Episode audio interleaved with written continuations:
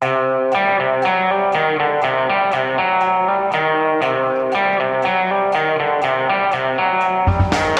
Det skal ikke stå på penga. Statsbudsjettet presentert i dag. Mye uenighet, men penger er det heldigvis nok av. Eh, og Donald Trump er tilbake i Det hvite hus og har åpnet ballet ved å si nei til hele stimuluspakken. Dette er Giæver og gjengen. Det er onsdag den 7. Eh, oktober.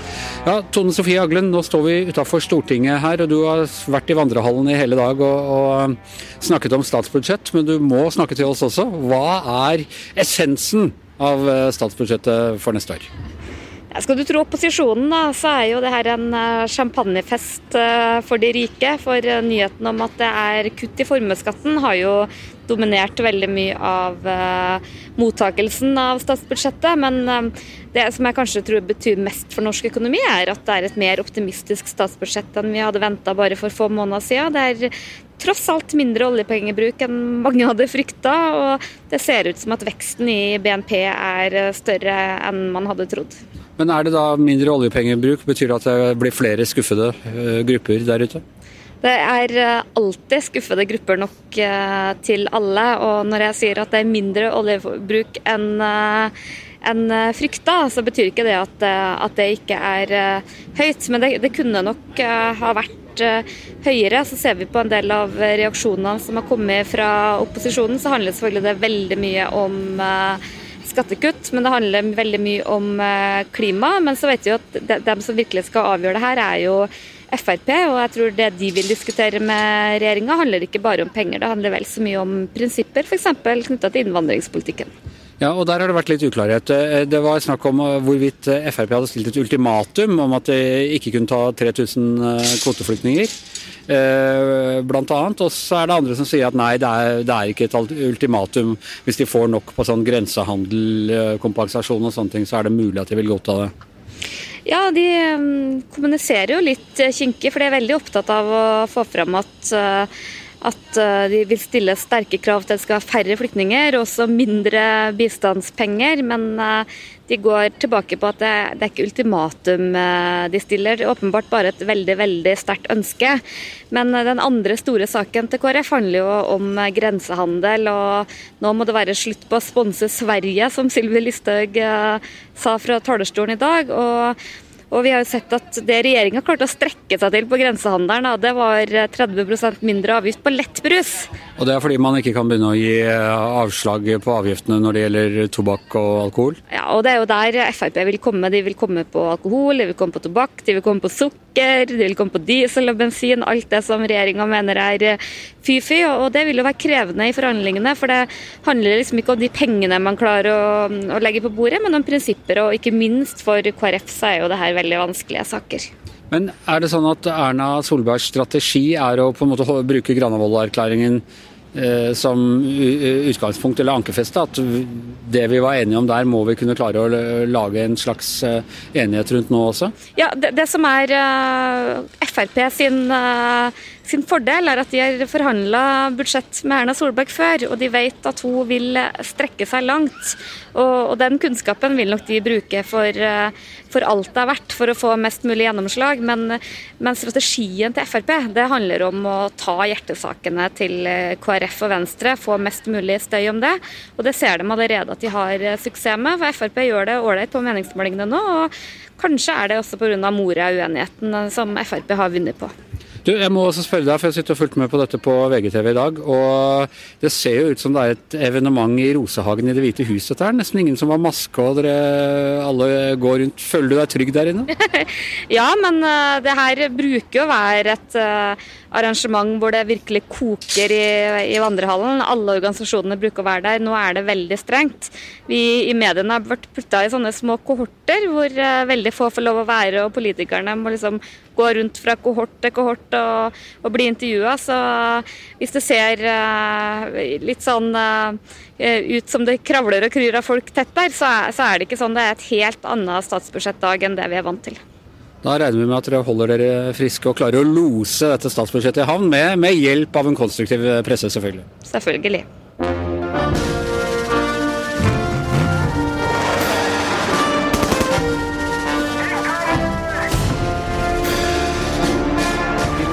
American people. Joe Biden is a weak person.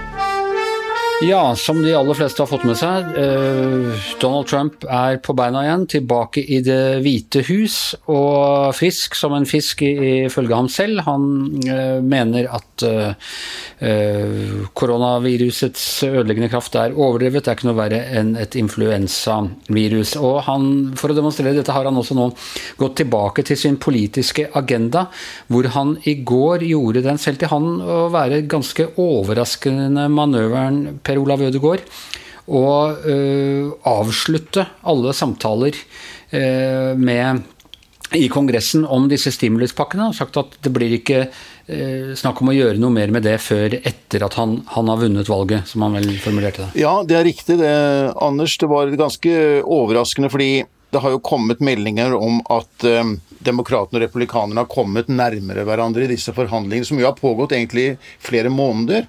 Og dette er jo en enormt stor pakke, da, med uh, uh, Hvor demokratene har krevd uh, egentlig i utgangspunktet 3000 milliarder dollar. og republikanerne i utgangspunktet ville bare bevilge 600 milliarder dollar. og så har de etter hvert nærmet seg, da. og dette er jo pakker som skulle erstatte de som på en måte utløp da, i, sent i sommer. Um, og um, som skulle da stimulere amerikansk økonomi og også gi penger til husholdninger og small business og alt dette. Som eh, jo USA virkelig trenger nå for å komme på beina. Det var overraskende at han um, nå kom med den instruksen til sine folk i, i Senatet og Kongressen om at nå er det ikke noe mer forhandlinger. Men tanken hans er på en måte at skal det bli noe av disse stimuli pakkene, så må man stemme på Trump? Er det det som er, tror du, strategien? Ja, men uh, noen mener jo at han skårer et gedigent selvmål ved dette. Fordi det er jo nå både amerikanske arbeidstagere og arbeidsgivere trenger, og ikke minst husholdninger trenger disse her pengene. Det er 27 millioner som er på arbeidsledighetstrygd. Det er rapporter som viser at én av ti ikke har nok mat eh, på bordet i løpet av en uke nå. Det er mange som trenger hjelp og assistanse nå. Og eh, han kunne jo framstått som den eh, store forhandler han gjerne ønsker å være. Og slått en skikkelig avtale nå og kommet med noe som hadde gitt en økonomisk hjelp, livlinje nærmest, til både folk og bedrifter. Ja. Men det har han altså valgt å ikke gjøre. Eh, det er, eh, det er kraftig fyr på peisen, må man si, i Det hvite, hvite hus for tiden. Er, eh, nå var det han Steven Miller, en av hans nærmeste medarbeidere, ble også erklært sjuk. Er vel nummer elleve i kretsen rundt Trump som har pådratt seg dette covid-viruset. og hele Det hvite hus framstår nå rett og slett som en sånn smittepøl? Ja, altså Det er ganske få som kan være på jobb eh, i Det hvite hus. Eh, og de som nå skal inn til presidenten, de må jo iføres alt mulig. Nå, nå har de faktisk innført ganske strengt smittevern i Det hvite hus. da, Så de som skal inn og snakke med han, og, og som må inn og snakke med han, de skal iføre seg eh, diverse eh, verneutstyr. Eh, og, eh, men også i Kongressen er det vist, meldes det om at det er svært få som er på jobb. og nå er jo også en stor del av generalstaben i USA i karantene eller i isolasjon, hjemmeisolasjon, fordi det har vært smitte også på, i de øvre sirkler av det militære systemet. Fortsatt eh, er USAs um, beredskap i, godt ivaretatt, men det er liksom et, bare et tegn på at det er et system som på mange måter er i krise. Så selv om presidenten selv sier at han har det aldeles storartet, så er det mye som ikke er på stell i USA akkurat nå. Det skal føyes til litt på det der med den uh, stimuluspakken, da, som du nevnte. at uh, Etter at han ga den instruksen, så gikk jo børsene kraftig ned. Og så kom han senere på dagen med en melding om at uh, ja, det var greit for han om de nå raskt vedtok støtte til Eh, en sånn kontantutbetaling til husholdninger og støtte til eh, flyindustrien og enkelte andre smånæringer. Hvis, han, hvis, de, hvis de, vedtok dette, eh, så, det, så ville han støtte det umiddelbart. Men så han, Det er et veldig forvirrende budskap. da. ene øyeblikk så er det ikke noe mer å forhandle om, og neste så, så vil han ha, det, ha, gjennomført dette umiddelbart. Enke, deler av denne pakken. da. Men argumentet mot å støtte pakken var jo at veldig mye han mente at demokratene ikke handlet i god tro, at veldig mye av pengene kom til å gå til demokratiske byer og delstater som var dårlig styrt, og, og, og til tiltak som ikke hadde noe med korona å gjøre. Det var det som var Trumps påstand. Så da blir det liksom på en måte partipolitikk også når det gjelder krisepakke, da. Eh, alt dette høres jo for så vidt ut som uh, Trump på sitt vante, så det kan jo tyde på at han, at han uh, er seg selv igjen. I natt blir en spennende, spennende duell mellom visepresidentkandidat Kamala Harris og visepresident Mike Pence. Harris har, får sin store ilddåp her. Hun er allerede utropt til et stilikon Eh, i eh, USA. Et nytt sånn stillekon etter, etter, at du har hatt noen andre eh, veldig sterke kvinner i politikken, men ikke så mange som menn, selvfølgelig. Det er Nancy Pelosi, det er Hillary Clinton, det er Michelle Obama, og nå er Camilla Harris den som det knyttes mest forventning til. Og jeg har snakket med mm, Hege Duckert, stabsleder i NRK, tidligere redaktør i Dagbladet og forfatter av flere bøker, både om mote og om sterke kvinner i politikk og, og kunstliv, og spurt henne hva slags stil det egentlig er Camilla Harris representerer. Hvis man ser på hvordan de amerikanske politikerne har vært, de har vært veldig opptatt av den der klassiske eh, måten å kle seg på med skarpe, høye hæler og alt dette. Og jeg tror jo at eh, hun som eh, har behov for å markere en slags ungdom, hvis man kan si det, for en voksen dame. Men, I hvert fall sammenlignet med de andre kandidatene. Hun er jo et heartbeat eh, from the presidency, så jeg tror at hun har hatt behov for å vise at hun er en person som, om noe skulle skje, kan rykke ut. Og jeg tror at det å ha på seg joggesko for henne er noe av det samme som å brette opp ermene for en eh, mann som vringer av seg jakka og viser at han liksom har den styrke. Du kan jo ikke surre rundt etter stiletthælene dine når alarmen går. Eh, og jeg tror det er noe sånt når hun har lyst til å vise. Og på hvilken måte gjør hun det? Jeg tenker jo dette at hun går eh, så mye i joggesko, da. At hun går i både Converse-sko og sånne fjellstøvler, Timberland-støvler. Eh, man kan jo tenke mye om det. Jeg kjenner at jeg får en sånn eh, assosiasjon til at hun har vokst opp med borgerrettighetsbevegelsen. Og at hun ut fra det har liksom Hun har, hun har gått med. Hun en, en, var en liten jente som gikk i protesttog sammen med foreldrene sine og har en sånn let's get up and go-holdning til ting. Og så kan man jo også lure på at hun har valgt eh, Converse som det har vært for å signalisere noe med tilhørighet til den svarte befolkningen, hvor jo liksom denne type joggesko alltid har vært et veldig sånn eh, sterkt symbol på, på ja, fra gettoungdom og på basketballspillere og på hele, alt som, som, har hatt med liksom svart ungdom å gjøre. Om det er noe hun også ønsker å, å ta med i, eh, i måten hun uttrykker seg på.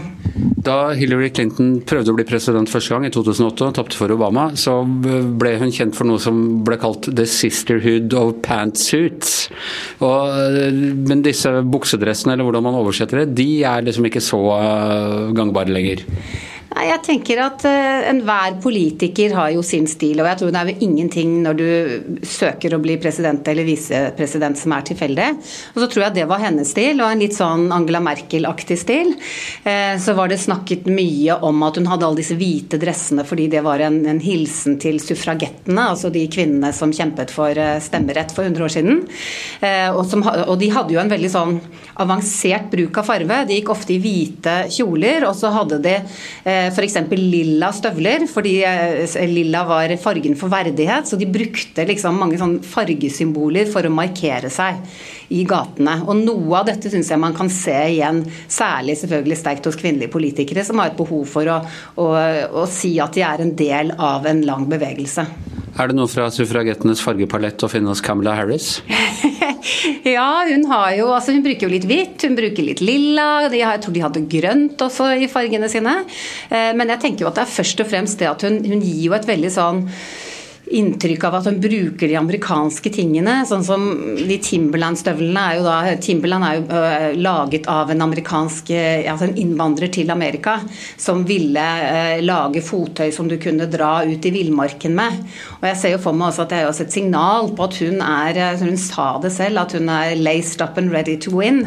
Og hun kom fra California, som er sånn outdoor-stat. Absolutt, ikke sant. Og hvor det å være aktiv og være ute, altså at hun markerer eh, forskjell for f.eks. Det var jo så mye diskusjon da Melania var ute på tur og hadde på seg liksom Hun dro til eh, flomområder i høye hæler, ikke sant. For ikke å snakke om all diskusjonen man hadde om hva den derre parkasen hennes hvor det står eh, Hva sto det ikke? I really don't, I don't care, eller noe sånt? Ja, I really don't care, do you, tror jeg det sto på den. Eh, å sende ut et sånt signal uten å, å, å tolke det selv er jo en, en risikosport, men det derre at hun viser at hun er fysisk og kapabel, og at hun legger en avstand til det tradisjonelle kvinneidealet, eh, tenker jeg jo er for å vise noen ting om at hun er eh, Altså at hun, hun, tilhører vår tid. Hun er i stand til å gå ut og jobbe. Hun er i stand til å både være visepresident og president. Eh, og det skal ikke stå på henne med å begynne å surre rundt etter å finne noen pennesko. Hun kan bare gå med en gang.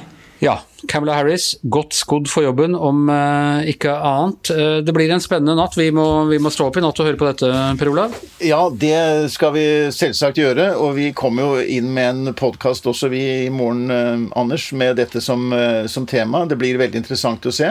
Det første vi må legge merke til, er om det står et pleksiglass eller ikke mellom disse to kandidatene. Demokratene har jo sagt at de må sette opp et glass mellom dem.